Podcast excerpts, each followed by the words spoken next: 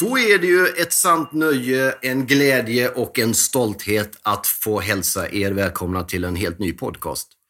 Nämligen PS-podden här på Dagens PS. Jag heter Marcus Birro och är programledare. Eh, och till den här podcasten så har jag bjudit eh, människor som brinner för olika saker. Det kan vara entreprenörer, det kan vara eh, mediepersonligheter, det kan vara företagare, det kan vara influencer, det kan vara alla sorts människor som genom sin dedikation till det de gör på något sätt blir en värdemätare för samtiden vi lever i. Att få höra deras historier, få lyssna till deras visdom, deras brister, deras förtjänster och tillkortakommanden, deras vinster och förluster och segrar och allt vad det är, tror jag kan eh, sprida både entusiasm, glädje, eh, kontemplation och även igenkänning hos oss som lyssnar. Det är i alla fall tanken. Först ut är ju entreprenören och eh, eh på ett varmt och fint sätt eh, betraktat galenpannan Johan Stel von Holstein som jag tror inte behöver någon närmare förklaring. Jag tänker inte gå in och hålla den förklaringen eftersom Johan alldeles utmärkt själv klarar av att göra det. Eh, vi spelade in den här intervjun i ett litet rum i en poddstudio. Det var som att kliva in och hälsa på hos en vulkan. Johan Stefan Holstein är ju en människa som eh, drivs av en eld, skulle jag vilja säga. Av ett engagemang, av en passion, av en övertygelse som säkert har ändrats, förändrats eh, över tid, men som har sin bäring, tror jag, ganska djupt in i honom själv. Och det tycker jag kom fram i samtalet. Så eh, välkomna till PS-podden och eh, varsågoda Johan Stel von Holstein. Hur är läget förresten? Hej Johan! Hej! Hej. Vi har inte träffats förut va? Nej, jag tror vi har så här skakat hand på något event någonstans. ah, just det. Men, men inte så här suttit och snackat. Nej. Är du, är, du, är du bekväm med det eller tycker du? Ja, jag är bekväm med det. Ja, bra. Uh, hur är läget då? Det är bra tycker ja. jag. Det är ju fantastiskt väder. Ja, det är riktigt. Jag fyllde veteran i lördags. Det känns också rätt skönt. Vad är det, 50 liksom. eller? 55. Ja, okej. Okay. Så att, eh, nej, jag tycker det känns bra. Hur firade du din 55-årsdag undrar vi osökt? Min eh, bror och kusin, vi är kusiner men uppväxta som bröder, han eh, bjöd ner mig till sitt fantastiska hus på Mallis och så tog så skönt hand om oss, hela familjen där nere hela helgen och det var fantastiskt skönt. Underbart ju. Ja. Sen pratade vi innan när vi möttes här nere vid, vid kaffeautomaten här borta att fotbollsintresset, jag visste ju att du hade fotbollsintresse. Ja. Men eh, att det var så passionerat kanske inte visste riktigt. Nej, jag tycker det är vansinnigt kul. Ja. Om vi går ner på den mer inhemska nivån då, då befinner vi oss i Örjansvall med om dig. Ja, Halmstad, HBK. Himlen är blå tack vare HBK. Ja. Det är en fantastisk arena ska sägas. Ja, den är, alltså, gå dit en sommarkväll med fint väder, ja, det är helt magiskt. Ja, det är fint faktiskt. Ja. Vad är det i Superettan nu va, ihop med? Ja, don't mention the war. Det har inte börjat bra heller. Annars har vi en härlig tradition av att gå upp direkt när vi åker ur. Men ja. jag vet inte fasen alltså, det här året blir nog svårt. Jag håller på Örgryte, de är i samma serie nämligen. Just det. Ja, det är många, rätt många bra lag i Superettan ja, faktiskt. AFC där och sen lite andra grejer. Ja. ja, vi ska inte fastna i fotbollen där. När man, om man kollar lite på, de flesta känner ju till dig och vet vad du har gjort och var du kommer ifrån. Innan vi drog igång här så, så pratade vi, kom in snabbt på det här med att våga stå för där man är och att det kostar på. Varför är det så, liksom i, om vi börjar med den grejen direkt, världens mest du vet, upplysta, toleranta, solidariskt land, att man fortfarande får betala ett väldigt högt pris för att, för att stå för där man är?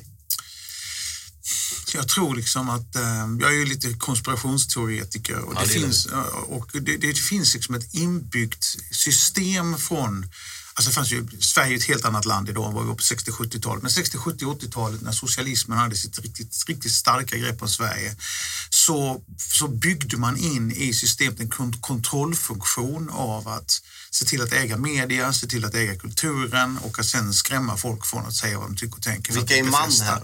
Ja, det är socialismen, liksom. socialdemokratin i kombination och samarbete med betydligt mer vänsterradikala än så. Mm.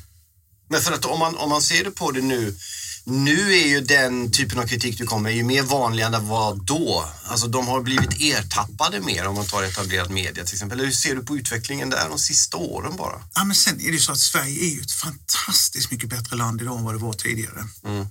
Och vi är ju ett friare land idag och i takt med att vi har blivit ett friare land så har man också genomskådat många av de här bluffarna och lögnerna och, eh, man, och, och deras makt, deras, även om de fortfarande har makt så är den ju så otroligt för, försvagad och vinklippt att idag dels känns det naturligt att tala om frihet på ett sätt som man inte vågade göra på 70 80-tal och, eh, och dels förstår folk bättre. Samtidigt är ju folk fortfarande lurade och tror.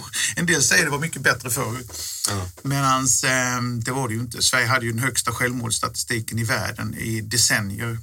Och vi har gått ifrån alltså att ha högsta självmordsstatistik till att tillhöra de lyckligaste människorna på jorden i samma takt som socialismen har försvagats över perioden. Så att det är ju bara det att folk liksom inte kan lägga ihop ett plus ett och utan de förstår inte liksom att det här är en del. När jag var ung, alltså bara för några år sedan, så sa man att allt som var positivt kallar man för kontinentalt. Du som är, har ja. italiensk pappa ja. måste veta det va? Ja, så, så är det ju. Så var det ju. Och så sa man liksom, på, ja, på kontinenten, där tycker man om att sitta utomhus och titta på folk och dricka kaffe, men det gillar vi inte här. Här gillar vi att sitta inne och inlåsta och ja. liksom i vårt eget mörka dunkel och inte ha några åsikter. Men det är en sorts självspäkning närmast. Ja, men det var ju en del utav så kunde de ju kontrollera oss. Sitter de hemma och har tråkigt och inte tänker och är fria. Men vilka är de som ja, Det är socialismen, det är socialdemokratin, det är arbetarrörelsen. Mm. Um, och, um, men de har gjort mycket bra också. Eller inte? Eller, nej, men de alltså, stod arbetarna fria för 100-150 år sedan. Ja, men de hade ju blivit fria i alla fall. De är ju fria i USA, där de har haft socialdemokrati. De är ju fria i uh, många andra länder. De är ju fria i Spanien, där de till och med hade fascism. Så att, vad är det de egentligen skapat? Ehm, jag menar, Sverige är ett otroligt rikt land, men vi är ett otroligt rikt land för att vi hade oerhört mycket ehm, ehm, naturresurser som Europa behövde när det skulle byggas upp efter andra världskriget. Så vi hade klarat oss på ett lite så halvsniket sätt? Ja, men vilken idiot som helst skulle kunna ha gjort Sverige rikt. Va? Mm. Om man istället tittar på, om man istället tittar på liksom att vi hade ett på ett med schweizerfrancen på 30 år sedan, idag är den ett på 10. Mm. Alltså varför strävar Socialdemokraterna om att vara, vi ska vara sämst i klassen? Vi ska ha den sämsta valutan i världen. Men vad folk inte förstår är varför har man en svag valuta? Ja. Jo, det har man ju för att ingen i omvärlden tror på landet. Ingen vill äga den här valutan för den är dålig. Det är samma sak ingen vill köpa ett hus som ligger på ett fult och dåligt ställe för det kommer ju gå ner i pris. Liksom. Ja. Det är samma sak med valuta. Och, eh, och varför vill de ha den sämsta valutan i världen? Kan du förklara det? Nej, ja, men du kanske kan. Jo, det är för att de vill försvara de 4 procent av Sveriges befolkning som fortfarande jobbar i en föråldrad, uråldrig industri som inte tvingas vara innovativ och ligga i framkant. Alltså det är en sån jävla hjärnblödning. Ja. Och så hoppas man på att ja, vad är det, finns det någon annan positiv effekt? Ja, vi kanske får lite turister hit som tycker att ska vi åka till Bulgarien eller Sverige? Ja, jo, Sverige är billigare än Bulgarien för valutan är sämre. Vi åker dit. Det är inte så att vi kommer att konkurrera med med Paris, London och Rivieran utan vi kommer, ju, vi kommer konkurrera liksom med Sofia och Svarta havet kanske lite då. Så här. Ja. Um, men, så att i övrigt finns det inga positiva effekter utan det är bara, vi bara ruinerar oss själva långsiktigt. Liksom. Ja. Den här, den här, din frispråkighet man ändå bara liksom några minuter in har fått, var kommer den ifrån? Jag vet faktiskt inte. Vad har du för bakgrund? Då? Vad har du för uppväxt? Vad Nej, har du för... Jag är uppväxt på en, en förfallen gård utanför Halmstad. Det...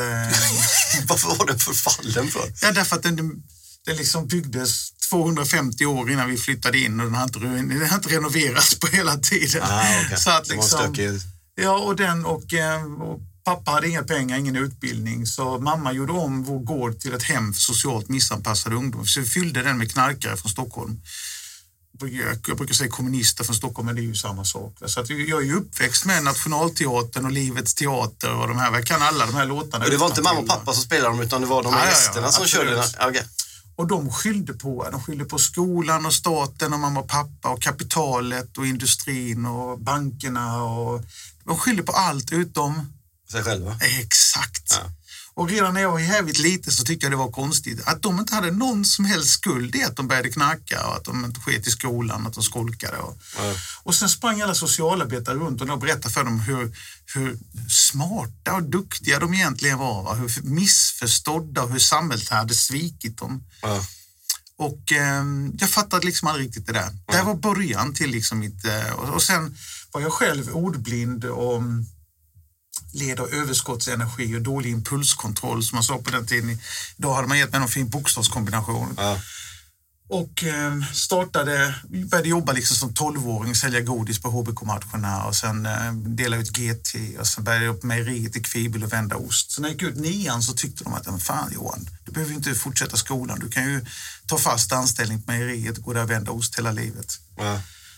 Och det här med att försöka tvinga in mig i deras fack för att det passar deras system, det retade gallfeber på mig också från otroligt tidig ålder. Ja.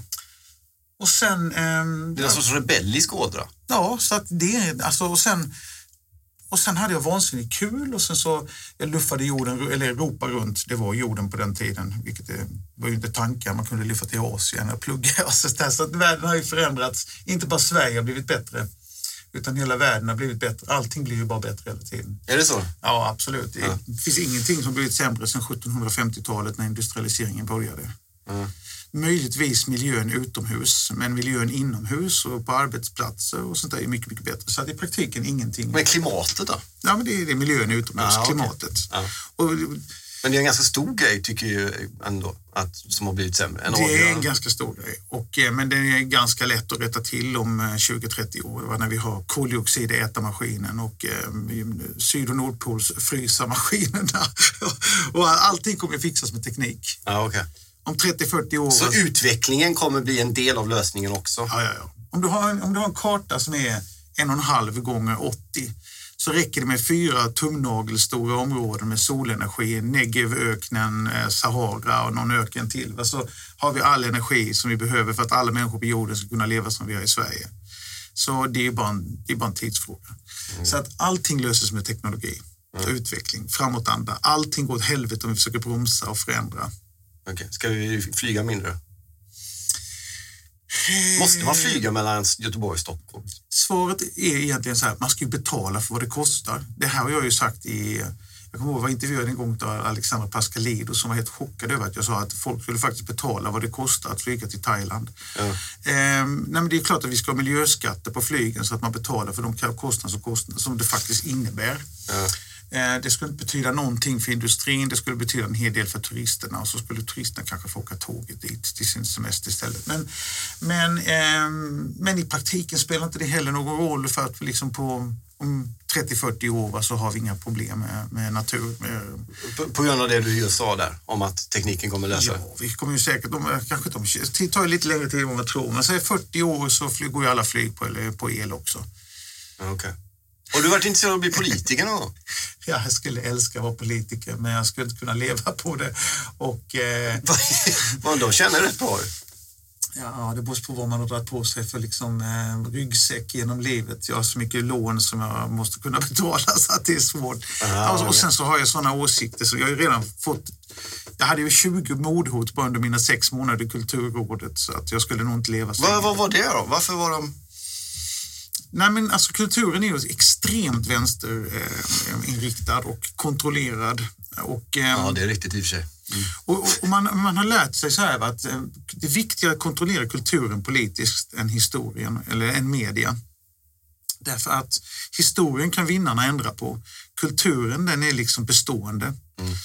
Och eh, jag, jag, tycker det är otroligt kul med teater till exempel. Så här, var du när du än går, var du än går på Eh, Eh, för teater så är det ju fortfarande bara socialistisk propaganda från 60-70-talet. Ehm, man bara önskar, kan det inte komma fram några som skriver lite mer realistiska, sanningsenliga, nutida eh, frihets sköna teaterstycken. Men det finns ju en sak när det gäller kultur, alltså att den är vänsterorienterad, att de har liksom vissa, det, det är ju en sak. Det jag kan störa mig på det är att, de, att hyckleriet, som har delvis blivit liksom, alltså så här, avslöjat i form av, av vilka som har fallit i mediala världen på metoo och annat, att de säger sig vara på ett visst sätt väldigt toleranta, lite upplysta, solidariska och sådär, men i själva verket så är de ganska intoleranta.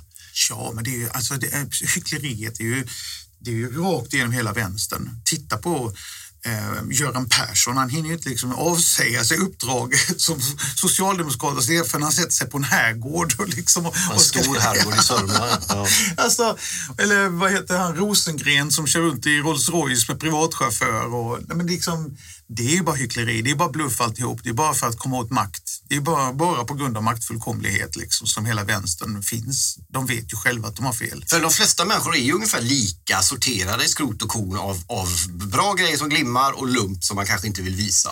Problemet blir om man bara äh, säger sig vara bättre än andra och visar upp det bra medan man meddelar sina motståndare att ni är fan bara lump.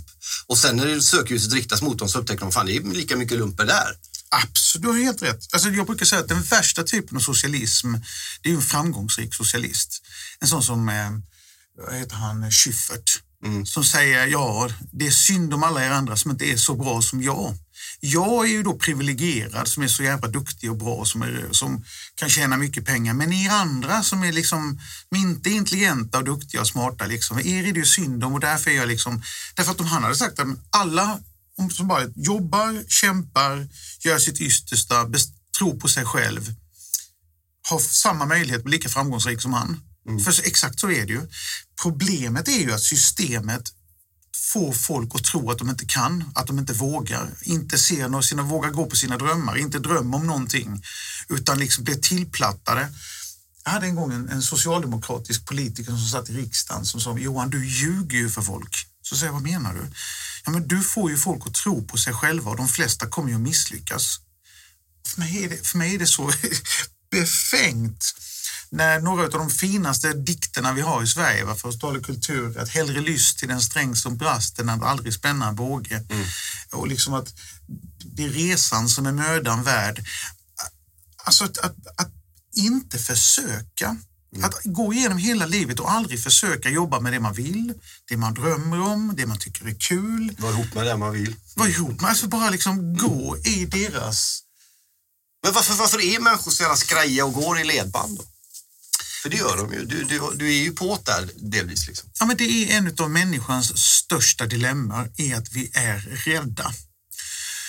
Det finns säkert någon sån här eh, psykologisk förklaring till varför människan är vi är rädd för att vi vet inte vad som hände innan döden och vi är rädda för att vi vet inte vad som fanns innan vi föddes. Så att liksom det finns en inbyggd mekanism och förklaring till varför vi går igenom livet rädda. Därför är vi rädda för all form av förändring. Vi har alltid varit rädda för det. Vi har alltid varit rädda för all teknisk förändring. Vi var rädda för Spinning Jenny, alla sömmerskor på jorden skulle förlora jobbet. Va? För aldrig funnits så många sömmerskor som idag, trots alla maskiner och datorer och så vidare. Ehm, vi var rädda för ehm, bilen, alla hästdroskförare skulle förlora sina jobb. Det har aldrig funnits så många taxichaufförer som det finns idag på jorden, framförallt inte nu med Uber. Vi var rädda för tågen, vi var rädda för löpande band. Vi var så rädda för löpande banden när vi födde socialdemokrati, kommunism och fackföreningar. Ordet sabotage kommer från franskans sabot. Och sabot på franska betyder trätoffel. Det var arbetare som tog sina trätofflor och kastade in dem i maskinen för att försvara sina jobb. Medan sanningen är att vi har bara 4% industriarbetare kvar i Sverige. Alla vidriga, hopplösa jobb där folk dog som flugor och klämde fingrarna och tappade armar och ben va, är bortrationaliserade av teknologi. Och istället har folk kunnat flyttas över till att göra jobb som är betydligt bekvämare och skönare och bättre och där de har fått utbildning som har roligare och bättre jobb. Ehm, allting, alltid, har alltid blivit bättre. Om jag skulle be dig definiera arbete och frihet, inte nödvändigtvis ihop men som två begrepp, hur skulle du definiera de två? Jag tror så här att jag läser en fantastisk bok, den här tycker jag alla ska läsa och eh, jag håller inte med om allt det, men det finns liksom, det, det, det, den, är, den får människor att tänka ner botten, inte sapient. Mm. Och där skriver de att vi har hela tiden strävat efter att få det bättre, men vi har fått det sämre. Vi mm. jobbar mer än vad vi någonsin gjort tidigare. Va? Mm. Samlare jägare jobbade liksom bara ett fåtal timmar om dagen och idag jobbar vi kanske dygnet runt. Mm. Men det finns en tydlig rörelse som man ser väldigt, väldigt klart om man studerar det. Hur vi har möjlighet att jobba med roligare och roligare saker skriva om fotboll, ditt favorit. Underbart. Eller hur? Mm. Och, du, och det visste du att det var det du ville göra för du älskar fotboll, du älskar att skriva, du gör det du vill. Mm. Förr var det ju så att nej, du tar jobbet på mejeriet för du råkar bo i byn bredvid och det är det jobb du får. Mm. Utan när hela världen är full av möjligheter. Du kan flytta vart du vill, du kan jobba med vad du vill. Tack vare sociala medier och det som håller på att växa fram och nästa generation av sociala medier här nu när det kommer in kryptovalutor och så vidare, så kommer du kunna tjäna tillräckligt mycket pengar för att leva det liv du vill leva med att göra det du faktiskt vill. Det du tycker är kul, det du är bra på. Mm. Och, och som människa har man ju liksom, visst, vår rädsla som finns inneboende i oss alla förhindrar oss ju att bejaka de här grejerna. Mm. Herregud vad jag har tjatat mina barn att inte hålla på med tv-spel. Mm. Det finns ju de som tjänar mer pengar som tv-spelsspelare idag än, än de bästa fotbollsstjärnorna på jorden. Ja. Och där har jag förhindrat dem att verkligen göra det de verkligen vill. Och slipa sin talang i något de älskar. Ja. Och liksom min, mina morföräldrar sa till mamma, sluta sitta vid radion och mamma sa till mig, sluta sitta vid tvn och jag säger till mina barn, sluta sitta vid datorn. Mm. Alltså det, historien upprepar sig själva. Vår rädsla för det nya, vår, vår, vår trygghet i det vi kan och känner till gör att vi hela tiden liksom tänker fel och inbundet och eh, bakåtsträvande när vi både bejakar förändring, utveckling och framtid. Men det gäller det här alla grupper i samhället? Har alla samma chans? Har alla, liksom, finns det inga klassburna murar mellan möjligheter och människor? Alltså det, svaret på frågan är så här det finns naturligtvis och det är mycket enklare att vara född hos någon stroppig familj på Djursholm med mer pengar än de behöver därför att de kan köpa sig in på rätt skolor och de kan köpa sig in genom kontakt på rätt första jobb och så vidare och, så, och de får dessutom får de sin första lägenhet. Så naturligtvis är det så, men det är som Bill Gates säger, life's not fair, get used to it. För fan, och är det liksom att sträva efter att alla ska ha exakt samma möjlighet så ja, då ser vi till att snor allt från alla hela tiden så att alla ska gå klädda i samma kläder som i, Kina. Liksom. Och livet är inte rättvist, mm. men livet är fantastiskt för alla. Sen finns det de som föds med sjukdomar, som råkar springa ut framför en bil och lever hela sitt liv som förlamad. Min pappa är lam i båda benen sen polio på fyraårsåldern. Alltså livet är inte rättvist. Jag politiskt tycker att vi ska ha ett socialsystem som kan ta hand om alla. Ingen ska behöva vara sjuk och dålig. Vi ska, vi ska ha världens bästa sjukvård för alla. Vi ska ha världens bästa utbildning för alla. Alla ska kunna få en riktigt bra utbildning så att de kan utveckla det de är bäst på och få det jobb de vill ha. Mer än så kan man inte göra. Därför att det kommer alltid att vara en fördel att vara född. Det är klart att kungens barn kommer att ha det bättre än dina och mina. Mm men liksom, det hjälper ju inte att avskaffa eh, monarkin. Det är en familj, det finns en miljon andra småkungar och påvar. Och rik, som liksom, och, så helt rättvist kan man aldrig få det, men tillräckligt rättvist för att alla som kämpar och jobbar kan få det riktigt bra och systemet klarar av att hantera och få människor att ge dem den möjligheten om det inte varit för alla jävla fuskare. Och de är många som vabbar alldeles för enkelt och lättvilligt, som Eh, sjukskriver sig, förtidspensionerar sig och på alla olika sätt missbrukar systemet, går till akuten för att de har ont i halsen. Eh, ligger hemma två, tre dagar extra för att de är bakfulla. Alltså det finns en massa, massa fuskare i systemet på alla nivåer. Skattesmitare som sätter sina eh, fonder på Irland och Jersey istället för... Alltså, det finns fuskare överallt. Om folk inte skulle fuska och vi hade haft ett effektivt system för att hantera så skulle det finnas en möjlighet att alla skulle ha det tillräckligt bra. Drivkrafter är ett annat ord som man tänker på när man lä- eh, pratar med dig och följer dig och läser dig. Och sådär. Kan, man, kan man uppfostra sina barn att skaffa drivkraft eller är det liksom någon form av, om man tror på Gud, gudagiven eller är den medfödd, nedärvd? Var kommer drivkraften ifrån? Jag tror att det säkert är så att även det är orättvist. En del föds med mer drivkraft än andra. Um, um, och liksom tough shit, men om man, om man klappar någon på det, det, det, det stora grejen i mitt liv var när jag träffade Jan Stenbeck. Och Jan Stenbeck klappade mig på ryggen och sa Fan vad du kan, du är duktig, prova det här. Och gav, han gav mig ansvar. Folk som får ansvar tar ansvar. Mm. Han lät mig göra fel, inte samma fel två gånger, men han lät mig göra fel och så skällde han så fan och så jobbade jag ännu hårdare för att liksom rättfärdiga de fel jag hade begått. Alltså om folk bejaka, alltså, man tittar på USA.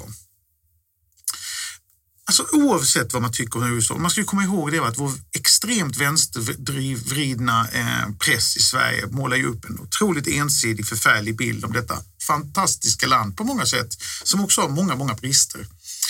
Jag har pluggat i USA. Deras utbildning skulle jag vilja säga är betydligt sämre än svensk utbildning. Och, och, och, då har jag ändå jämfört mig med bra amerikanska skolor. Jag kan tänka mig hur de är i dåliga amerikanska områden.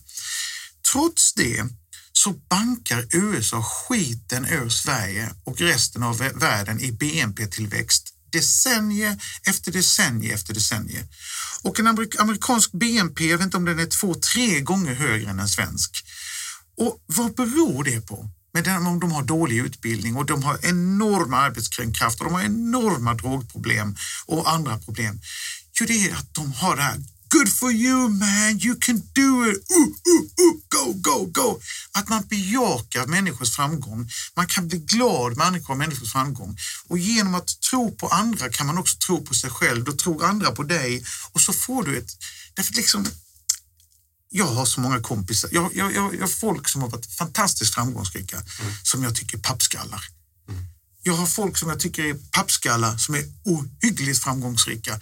Jag har otroligt goda, många människor som jag tycker är otroligt duktiga som inte varit framgångsrika alls. Mm. Liksom, det, handlar, det finns inget rätt och fel, det finns ingen total rättvisa. Det finns bara en skyldighet att försöka, att göra det bättre och, och, samhällets uppgift är att skapa ett system där du kan misslyckas och försöka igen. Mm. Där du har rätten att komma tillbaka. Där du har rätten liksom att um, ingen ska få berätta för dig om du har varit framgångsrik eller inte. Det är bara du själv som ska till sist säga om du, har, om, du, om du har varit det eller inte. Och det kan du säga beroende på att du vet vad det är du tycker är viktigt. Mm. Men om man tar dig som exempel där då, men är du, har du haft någon liksom, under tiden, om vi går backa några år då, när du hade de här 3500 anställda och det här Gasell växte och ditt företag och allt det med IT och det där. Och sen när du, när du då tappade eller förlorade eller hamnade på ett annat läge, fanns det någon pervers, nästan pervers dragning till att nej men fan den här botten gillar jag att stå och trampa på. Liksom. Det här får jag bygga. Eller var det bara vidrigt? Oh, jag, har, jag har liksom, jag, jag måste, alltså, som jag sa innan, Life's not fair, get used Jag har haft sjukt mycket otur. Um, och det, det, det, vet jag, därför att jag vet exakt var jag har varit och hur det har gått till och så vidare. Sen har jag också varit jävligt slarvig. Och det retar gallfeber på mig så jävla onödigt. Så skulle... När då? I vilka situationer menar du att det var slarv? Liksom? Nej, men det är ju så att man måste ha ordning och reda, man måste ha kontroll, man måste liksom ibland tvinga sig att göra saker man inte är bra på. Jag är väldigt, väldigt bra på vissa saker och väldigt, väldigt dålig på andra. Mm. Och då får man antingen får man se till att vara parhäst, att man har någon som kompletterar med det man är dålig på. Mm. Det är där jag helst vill vara. Men om man inte hittar den parhästen, då måste man bita ihop och göra bättre ifrån sig på de grejer man är dålig på. Och jag är så dålig på det. Mm. Så, att, så att mycket är, ofta, ofta är det så ytterst att man får sig själv att skylla. Det är liksom så enkelt. Jag försökte ju under de, det är inte i förhållande till jämförelse med dina, men de stormar då som jag varit i, så, så det, det dröjde ett tag tills jag fick överblick och såg att det fanns en person som var med i alla stormar. Alltså en... Det var ju en person som var med i alla stormar. Ja. Och det var ju inte liksom, Expressens chefredaktör varje gång. Nej. Det var jag. Ja. Den, den insikten är jobbig. Den är jobbig och, liksom, eh, och det är därför jag säger, å ena sidan, ja, oh, jag har haft jävligt otur. Å andra sidan, jag vet att jag är slarvig. Och eh, jag vet liksom att jag skulle kunna ha det betydligt bättre än jag har. Jag liksom vet också att jag ibland kanske drömmer för stort och vill för mycket och liksom kanske skulle mått mycket bättre och gjort bättre av att bygga mindre. Men liksom ibland är det så här också. Men du verkar inte bitter ändå? Nej, det kan man inte vara. Alltså, jag, det är klart man kan. Ja, men man, man ska inte vara det. Alltså, det, det men det är lätt att bli. Det är lätt att säga att man inte ska för det är fult att erkänna att man är. Men man kan väl få känna det ibland? Jo, men det finns ju klart att det finns stunder där jag kan tycka liksom eh, att fan vad orättvist. Eller... Om jag hade gjort si och så hade jag haft 35 miljoner på kontot nu istället för...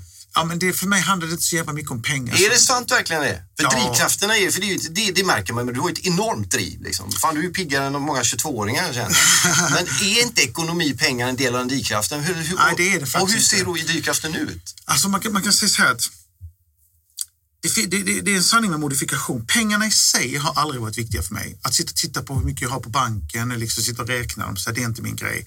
Däremot är det så att jag tycker väldigt mycket om att resa mm. och resa kostar pengar. Mm. Så det går inte att säga att jag inte har ett behov av pengar eller att jag inte vill pengar. Och jag, jag, menar, jag skulle så gärna vilja skicka mina barn på bra universitet i, i USA. Det har jag inte råd med. Och eh, det är klart att jag skulle vilja eh, det finns mycket, jag skulle, det är klart att jag skulle behöva mer pengar än vad jag har. Mm.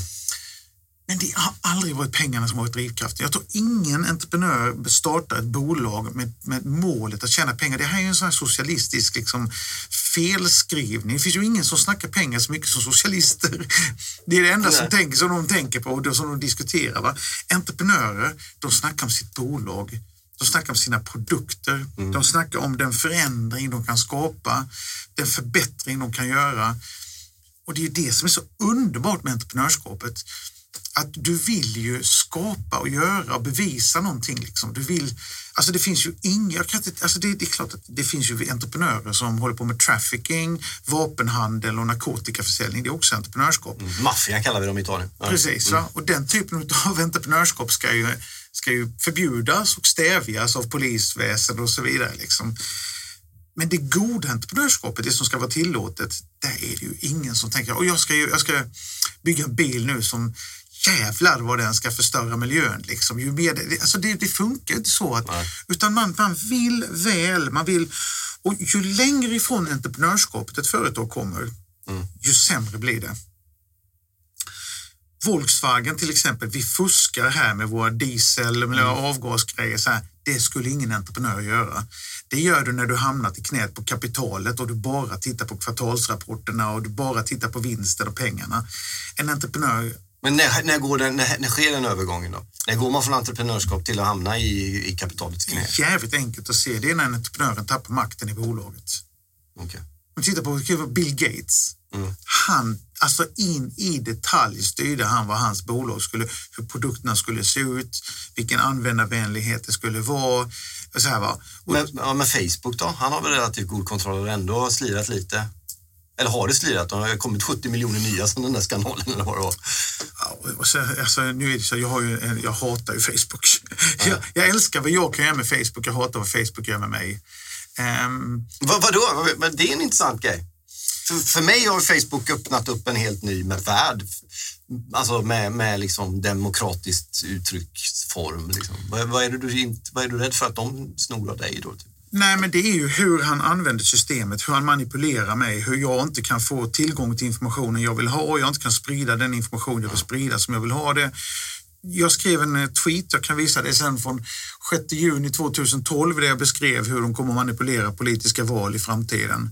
Och jag skrev en artikel i Metro där redan slutet på 2008-2009 där i detalj berättar att de kommer kunna avgöra politiska val genom hur de sköter den här informationen. Det är det vi ser nu. Ja, och, och, så att vi är digitala slavar av Facebook och Google. Och, ehm, och det är en fullkomlig katastrof och ingenting kommer bli bättre. Han har fått 70 miljoner nya användare. Det beror ju på att de här som sitter och frågar ut honom har ju ingen aning om vad det är de frågar om och vad det är de ska ställa för frågor och vad det är de ska ställa för krav.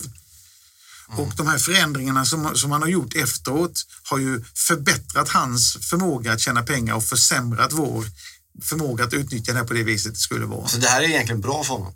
För honom, ja. Absolut. Han kommer, Facebook kommer tjäna mer pengar än någonsin på det här. Mm. Och vi kommer bli mer förslavade än någonsin. Mm. Men till sist så kommer vi att bryta oss loss. Någon entreprenör kommer komma fram med något bättre eller politikerna kommer till sist att vakna. 2002 skrev en artikel att det var en tidsfråga innan politikerna kommer att lagstifta mot dem. 2018 kommer GDPR-lagarna. Alldeles för sent, alldeles för små, men det är ett steg i, i rätt riktning. Om man tar då bara det här, vad, vad, lärde du dig under den här eh, IT, när du, den vägen upp där? Vad lärde du under när, när allting bara rasslade på? Lär man sig något då eller är man bara en gubbe i båten? Liksom? Nej, men alltså, jag tror så här att under den perioden jobbade jag så fruktansvärt mycket att man hann knappt sätta sig i helikoptern någon gång. Utan man, man bara körde. Vad betyder när du säger att du jobbar liksom rent praktiskt alltså per, alltså, per dygn? Liksom? Jag jobbar 24-7 i den utsträckningen att varje vaket ögonblick så är, tänker jag jobb. Mm. Och, eh, och det gör jag 365 dagar om året under de perioderna. Det spelar ingen roll om jag är på julmiddag med familjen, liksom, så sitter jag och tänker jobb och telefonen är alltid på och jag försöker svara på så mycket inkommande mejl och kommunikation som går. Men det där går inte att leva hur länge som helst i sånt liv? Nej, men jag har ju också haft sex hjärtoperationer liksom och, um, um, så att um, det går inte att jobba på det viset. Har du varvat ner nu? Nej, det har jag inte råd med. Vad säger läkaren om den grejen? Nej, det är ju liksom... Va? Det är ju, vad ska man säga? De säger att jag borde varva ner. Mm. Men det finns inget utrymme för det. Jag har ingen ATP eller liksom inga sparade pensioner. Så du, du menar att du måste jobba? Absolut. Okay. Vad lärde sista du... dagen av mitt liv skulle jag tro. Ja. Fast den dagen kan komma snabbt om du håller på sådär. Det är det som är, man blir orolig. Du får tänka lite, du, framförhållning. Ah, liksom. Va? Du fyllde 55 i lördags. Jo, men, men, men samtidigt, jag har ingen så här... Jag tillhör inte de som drömmer om att bli 120 liksom, utan jag säger att... Men du kanske har människor omkring dig som gärna vill att du hänger kvar länge? Eller, eller du har... Eller, ja, men, ja, men du pratar barn till exempel. Jo, men jag tycker så här, jag har haft en... Um, jag ser inget självändamål i att jaga överlevnad. Jag, jag känner att jag har ett behov av att liksom jag har, jag har andra prioriteringar i livet okay. än att leva länge. Resa är en sån säger du? Jag, bara... jag älskar resa. Ja. Vad, vad ger resandet dig? Hur, hur ändras din syn på Sverige när du reser mycket? Ehm, jag, jag stimuleras oerhört av att se och uppleva. Och tror att den som har sett och gjort mest när man dör vinner. Ja. Um, och been there, done that, trying it tomorrow. Den, den liksom, det, jag älskar hela den tanken. Och vad det ger mig, alltså allting från att medmänsklighet, när man ser människor ha det riktigt jävla fattigt och illa och drömma om liksom att eh, världsförbättrande produkter, tjänster, idéer eh, till eh, att se kraften i entreprenörskap och glädjen i entreprenörskap och, och företagande. Eh, Um, och då menar jag företagande på en nivå där det är bara liksom människor som bara gör någonting. Liksom. Mm. Men det, det tycker jag är intressant, det du är inne på nu. Och det, det fångar närmast en andlig aspekt. Jag läste i någon affärstidning för någon tid sedan om att det var franska affärsmän som var skitbesvikna på de svenska dito, för det enda de pratade om var jävla golf och båt. Mm, om man som ny kommer in i den här världen lite av entreprenörskap och företagande och pengar, så man får gärna en bild av att det är väldigt praktiskt orienterat. Det är ganska lite plats för hjärta och, och sådär, och själ och kultur. Har jag, har jag fel? Du som varit i det så länge. Jag, jag, jag tycker då det finns en väsensskild stor skillnad mellan det som är traditionellt kapital Kapital, kapitalkapitalism och entreprenörskapitalism. Ja, du delar på dem? Ja, det är en enorm skillnad. Ja. Och Sverige då, tack vare den socialistiska struktur vi hade, där man gjorde upp mellan storkapitalet och socialismen, eh, så har vi ju en, en en mycket mer utpräglad kapitalkapitalistisk del av samhället än kanske något annat land på jorden. Mm. Och eh, alltså för på 80-talet, slutet på 80-talet så hade vi mer multinationella företag per capita än något annat land på jorden. Vi hade fler storföretag per capita än något annat land och de var enormt koncentrerade maktmässigt runt industrivärlden och eh, Wallenbergstiftelsen och Bonniers, eller Wallenbergarna och Bonniers. Några få familjer som ägde och kontrollerade allt. Och det, den delen tänker ju, inte de familjerna kanske, men den delen, alltså de verksamheterna som jobbar på det viset i den typen av företag, i börsens hantering av den typen av företag handlar ju bara om kapital och pengar. Mm. Medan entreprenörsdelen som fan, överhuvudtaget inte fanns när, jag, när Stenbeck satte igång mitten på 80-talet eller när vi kom igång med entreprenörskapet. Jag hade två bolag eh, sedan andra världskriget som hade blivit eh, sådana så kallade unicorns. Va? Det var Tele2 och Capio. Mm. Eh, inga andra stora bolag sedan andra världskriget utan det var bara de här gamla stora industriföretagen som hade tillåtits växa på grund av hur socialdemokratin ville bygga samhället sedan dess, sedan vi satte igång den här rörelsen, sedan Jan satte igång den här rörelsen och jag hjälpt till och alla andra också, så har vi fått ett företag med ett mycket mer entreprenöriellt engagemang. Folk som drömmer, vill förändra, som tror på sig själva, som med innovationskraft och kreativitet byggt mängder med fantastiska bolag. Mm. Och eh, den delen av att se på världen, titta på ekonomi och pengar på ett helt annat sätt. Där bryr man sig om huruvida kunderna är nöjda och glada. Kapitaldelen är bara intresserad av hur kvartalsrapporten levererades in. Mm. Det spelar ingen roll om kunderna är nöjda eller missnöjda, bara de tjänar mycket pengar. Mm. En grej som jag tänkte på avslutningsvis där, det är ju den här eh, när du säger att du skrev de här texterna du gjorde och tweeten där 2012 och, och sånt som då faktiskt har slagit in ett antal år senare. Därför blir det ju nu spännande att fråga dig om bitcoin. Du verkar ju ha koll på... Nej, det var en förfärligt dålig artikel i Affärsvärlden häromdagen um, där, um, där jag intervjuades om det här med, där man skrivit om vad jag sagt och vad jag gör. Men det är jag rätt van med. Jag tycker det är mycket skönare när man är i sådana här intervjuer därför att här säger jag det jag säger. Ja. Och ingen kommer klippa i de här grejerna? Nej, det gillar jag också. Ja, bra. Ja, men så, um, men vi skiter i den då, eller om du vill ta ja. upp den får du gärna göra det. Men, men alltså, hur, är, hur är din... Hur jobbar du med bitcoin? Jobbar du med det? Hur, hur ser du på det? Jag har inga bitcoin själv i praktiken. Jag jobbar inte med bitcoin, jag använder dem inte för någonting och jag är inte intresserad av bitcoin. Okay. okay. Men ja. jag tror att kryptovalutor kommer att förändra hela världen.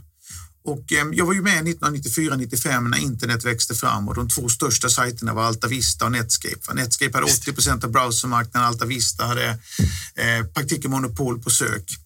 Om det är bitcoin och ether så kanske de är long gone om 20 år.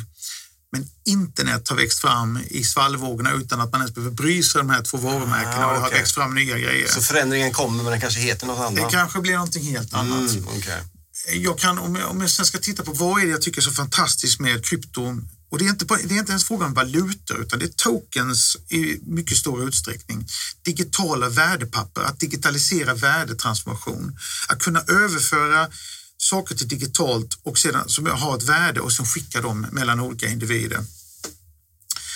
Och det blir otroligt flummigt och filosofiskt och det är liksom så, jag kanske har helt fel. Jag kanske har lika rätt som jag hade 94 när jag tittade och visionerade med internet. Men om socialism säger att så här stor är kakan och den måste vi fördela rättvist. Mm. Så säger kapitalismen, nej, kakan kan bli hur stor som helst om du blandar i fler ägg, mer mjöl, lite jäst och, och vad du nu vill lägga i. För de kan dessutom lägga i jordgubbar och lägga på grädde, va? så blir det mycket godare också. Mm. Så är det så att den kapitalistiska världen begränsas fortfarande av de möjligheter som en valuta, som dessutom är sjukt manipulerad av olika politiska system, kan göra. Om du kan skapa, kallar det för en, en, en kupong, en värdekupong, i varje enskilt tillfälle då det skapas ny genuint värde som kan överföras så kommer den kakan att kunna bli gigantiskt stor. Vi talar om att tillföra blåbär, russin, äpple, nötter och mer och mer grejer. Därför att vi, vi tillåts nu att värdera saker olika utifrån olika perspektiv. Säg att en kopp kaffe kostar 75 kronor. Mm. Och 75 kronor är lika mycket för dig och mig, men du kanske tycker att kaffe är jättegott och jag är inte sådär jävla förtjust i kaffe. Mm. Vi till, så att med fler typer av värdemätare och värde så har vi möjlighet att diversifiera och expandera värdeskapandet i vår omgivning. Och då säger folk så här, det tar för mycket el, det kostar för mycket pengar per transaktion, det finns liksom inget underliggande värde och massa sådana kriterier och det är för långsamt. Och då borde du och jag komma ihåg liksom bing, bing, bing, Ja. Det tog fem minuter att öppna upp browsern. Ja, det är riktigt. Vi betalade typ 250 kronor i månaden för 25 mega, gigabit, liksom ingenting. Va?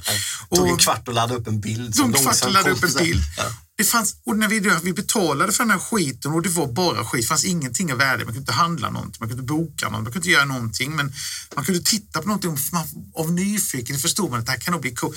Tio år senare så har vi liksom fri surf i mobiltelefonen och titta på fotbollsmatcher och Forza som håller koll på alla fotbollsmatcher i hela världen samtidigt. Så liksom, ha lite vision över vad som kommer hända med de här. Mm. Energiförbrukningen kommer att gå ner samtidigt som vi kommer få överproduktion av el i praktiken hela världen ganska snart.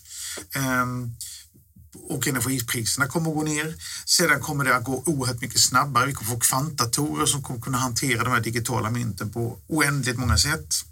Vi kommer ha gigantiska databaser där man simultant eh, kan få de här olika valutorna att ställa eh, kurs mot varandra hela tiden så vi inte ens behöver tänka på vad värdet av dem är utan kan bara realisera dem i den i den upplevelse vi vill ha just då. Mm. Säg till exempel att du och jag går och käkar middag på Sturehof. Mm. Det är trevligt. Väldigt trevligt. Då kommer notan in i Svenska Brasseriets egen valuta mm. som vi har varit med och köpt av kanske för att finansiera något nytt projekt som han vill göra utanför sin egen balansräkning för att han tycker att risken är för stor men om kunderna vill ha det. Mm. Och eh, om vi då inte har valutan så har vi 700 andra tokens, kuponger i vårt system och så i realtid så säger den att just nu har du bäst, eh, bäst eh, kurs om du använder ditt NK-coin eller ditt eh, Sasio bonus-coin. Precis när jag ska betala med mitt NK-coin så plingar det till, men betala med ditt Clas Olsson-coin så får du 20 rabatt idag för vi har en kampanj med Svenska Brasserier för att du är en sån himla bra och trogen kund till oss. Och och då har vi liksom en helt annan möjlighet att, liksom att distribuera värde, att skapa värde, att skapa lojaliteter. Och folk som säger att det finns ju inga underliggande värden i det här. Men vad är det underliggande värdet i eurobonuspoäng? Jo, jag kan åka på, flyg om jag kommer upp i tillräckligt hög... samma sak. Om jag kommer upp i tillräckligt hög nivå, ja. Mm. Men jag kan inte byta det till någonting annat. Mm. Men jag upplever det som värde. För några år sedan så hade jag så många eurobonuspoäng. Jag ville inte ens använda dem, jag ville bara ha fler jag samlade på dem. Mm. Och det underliggande värdet i guld, vad är det? Jo, det är att guld är i praktiken värdelöst. Det är för gult, det är för tungt, det är för mjukt ja. och det kan knappt användas till någonting.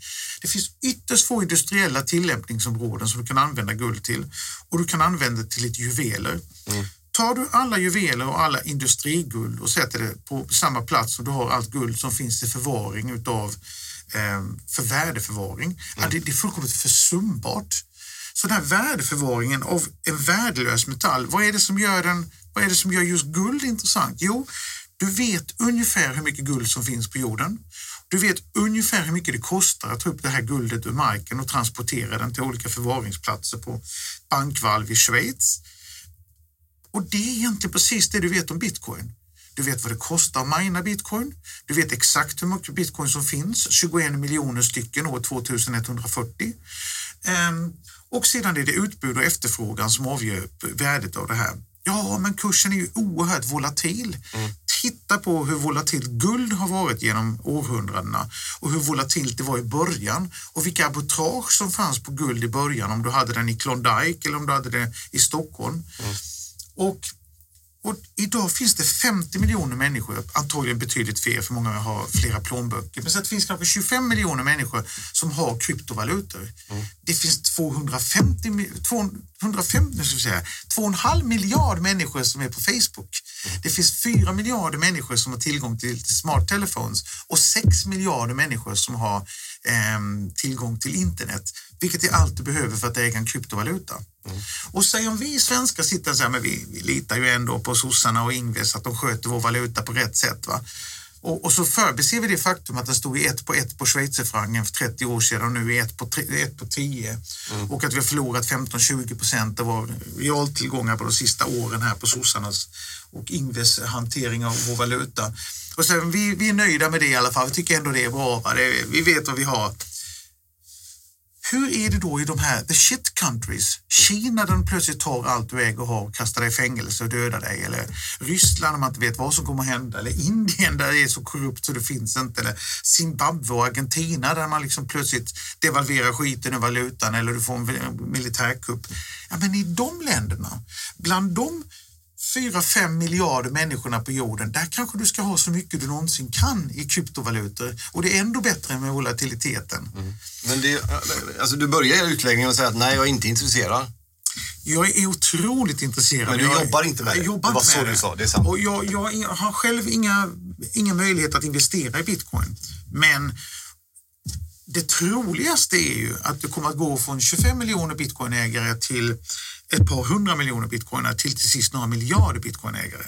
Och eftersom det finns ett begränsat antal bitcoin så kan man vara, behöver man inte vara så där jättesmart för att räkna ut att det där kan säkert vara en fantastisk investering. Att samla på sig lite?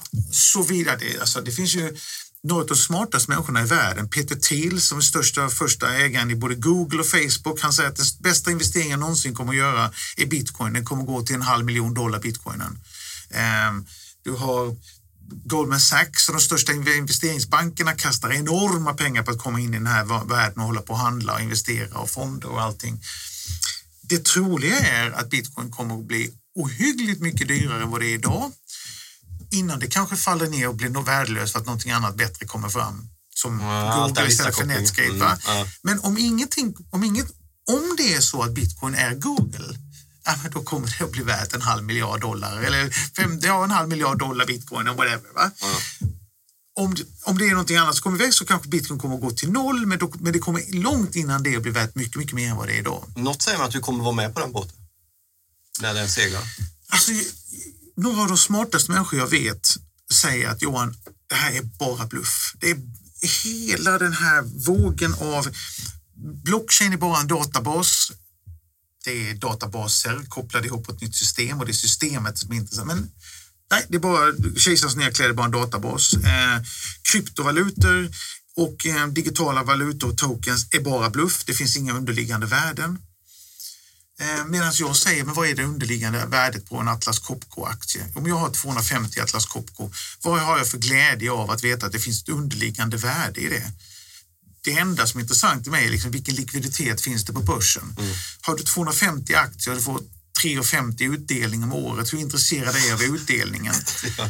Alltså jag är bara intresserad av att den ska gå från 500 kronor till 700 kronor. Då börjar det kännas. Liksom. Ja. Jag är bara intresserad av uppgången. Hur mycket har den uppgången att göra med någonting av vad bolaget faktiskt står för? Tjänade en miljard år 2000, 2000 på P9, tjänar en miljard idag och har P22. Varför det? Vad vet vi? Alltså 22 gånger årsvinsten. Vad vet vi om Atlas Copco om 22 år? Ja. De flesta ägare av Atlas Copco vet inte vad Atlas Copco gör. Har aldrig köpt en produkt. Deras pengar som de har köpt aktier för har aldrig tillkommit bolaget på något vis utan bara spekulerat hej vilt på börsen. Det var någon idiot i Åkersberga som blankar aktien i 11 månader av 12. Uh -huh. och sen, håller han, sen håller han aktien i en månad för att han ska få del av utdelningen. Det kallar man för shareholder value. Det är ju bara bluff. Ja. Det finns ju ingenting där. Det finns inga underliggande. Det är bara bluff. Bara för att hanteras av liksom den här finanseliten som liksom har en... Du var ju inte med och investerade som första investerare i, i varken Skype eller Spotify eller Klarna. Eller, eh, och hur vet jag det? Jo, därför att det är inte, du och jag får inte vara med i det. Därför att det är liksom privilegierna i de som sitter på WC-bolagen liksom som, som har exklusiv rätt att vara med i tidiga skeden på grund av de regler som finns. Är det här är mer demokratiskt då? Jo, men här kan ju alla vara med. Ja. Du kan ju inte ens investera i de här stora fina fonderna som investerar i tidiga skeden därför att det är bara deras kompisar på andra fonder inom samma lilla finanselit. Men är det inte därför de säger att det är en bluff också? Kanske? Det är klart de gör. De är ju livrädda för detta. Ja. Plötsligt demokratiseras det hela så att du får ta personligt ansvar för dina egna pengar. Ja. Och som entreprenör så är det så att, ja, men säg att, säg att jag är Filippa K. Ja. Och har inte gått så jävla bra på för bolaget. Det har varit en kall januari månad så att för Q1 var dålig så nu samlar de ner hela bolagets aktier. Liksom. Ja. De, de, de, kursen handlas på P 20, va? 20 års vinster, men den handlas ner på sista kvartalet för att det var en dålig kall månad i januari. Never mind. Ja. Men så är så jag har inte riktigt pengarna nu för att satsa på den här sjukt begåvade eh, designen som kommer med min, mina produkter. Så då är jag istället så här att jag går till mina kunder och säger så här. Vi gör en Filippa K-token här som finansierar den här designen och, eh, och så får vi se om det går bra. Ja. Så ställer kunderna så här jättekola kläder, jag är med och köper den här token och sen så säljer den här designen så in i bänken, går jättebra. Och då säger Filippa K så här, men då ger vi tillbaka till er som var med och satsade och byggde den. Ni får 25 procents rabatt för har redan fått på första årets kollektion. Men ni får 40 procents rabatt på nästa års kollektion därför att det gick så jävla bra tack vare er. Ja. Jag som köpare så har då 40 procents rabatt på det du redan gillar. Och, eh, och Filippa K vet att vi kommer att göra massa omsättning på nästa år på den här designen för att vi har redan gett bort i form av rabatter för framtiden som har intecknat sina egna utgifter. Mm. Och då kan de skita det har gått för bolaget. Utan de har skapat nöjda produkter, bra produkter till nöjda kunder. Mm. Och så har du istället för shareholder value till den här jävla blankan i Åkersberga mm. så ger du nu customer value till dina kunder som faktiskt köper och gillar dina produkter. Mm. Ja, det där låter som det, det, det, den yrkes, kanske då yrkesmässiga framtiden men ändå någon form av framtid för krypto. Hur ser det ut avslutningsvis för dig själv? Vad, vad jobbar du med nu då? Om du, du inte jobbar med? Vad, vad ser du fram Nej, men det är så här jag vet inte vilka... Eh, jag, det kanske är så att jag har fel. Jag, hade, jag varit, eh, hade det varit 1994 så hade jag sagt jag har rätt, alla andra har fel. Så hade jag bara kört. Mm. Jag är för gammal och för trött för det idag. Så jag kanske har helt fel. Det kanske är så att det behövs underliggande eh, värden. Det kanske är så att ehm, bank och finanseliten är så stark att de kommer att se till att reglera skiten ur det här så att det inte kommer att bli så bra som det skulle kunna bli. Ehm, det kanske är så att så många oseriösa entreprenörer lurar så många människor i dåliga ICO att folk tappar förtroendet för det på lång sikt. Jag vet inte. Så därför kommer jag inte att jobba med att göra sådana här tokens. Jag kommer inte att investera i den här typen av tokens ehm, som det ser ut just nu. Um, utan däremot kommer jag försöka sälja skövlar och byttor och uh, arbetskläder. Ja, okay. Ungefär som de som tjänade pengar på guldruschen i Klondike. Ja. Bra. Ehm, så jag vill, jag vill jobba...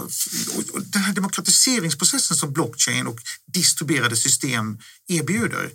Det finns Lequanet i Malmö som är ett fantastiskt system som bygger på policy snarare än teknik. Det finns Hashcraft som är en variant av det här. Det är blockchain som är en tredje. Så det är inte ens säkert att det är blockchain som kommer att, att, att bli den teknologi som vinner det här.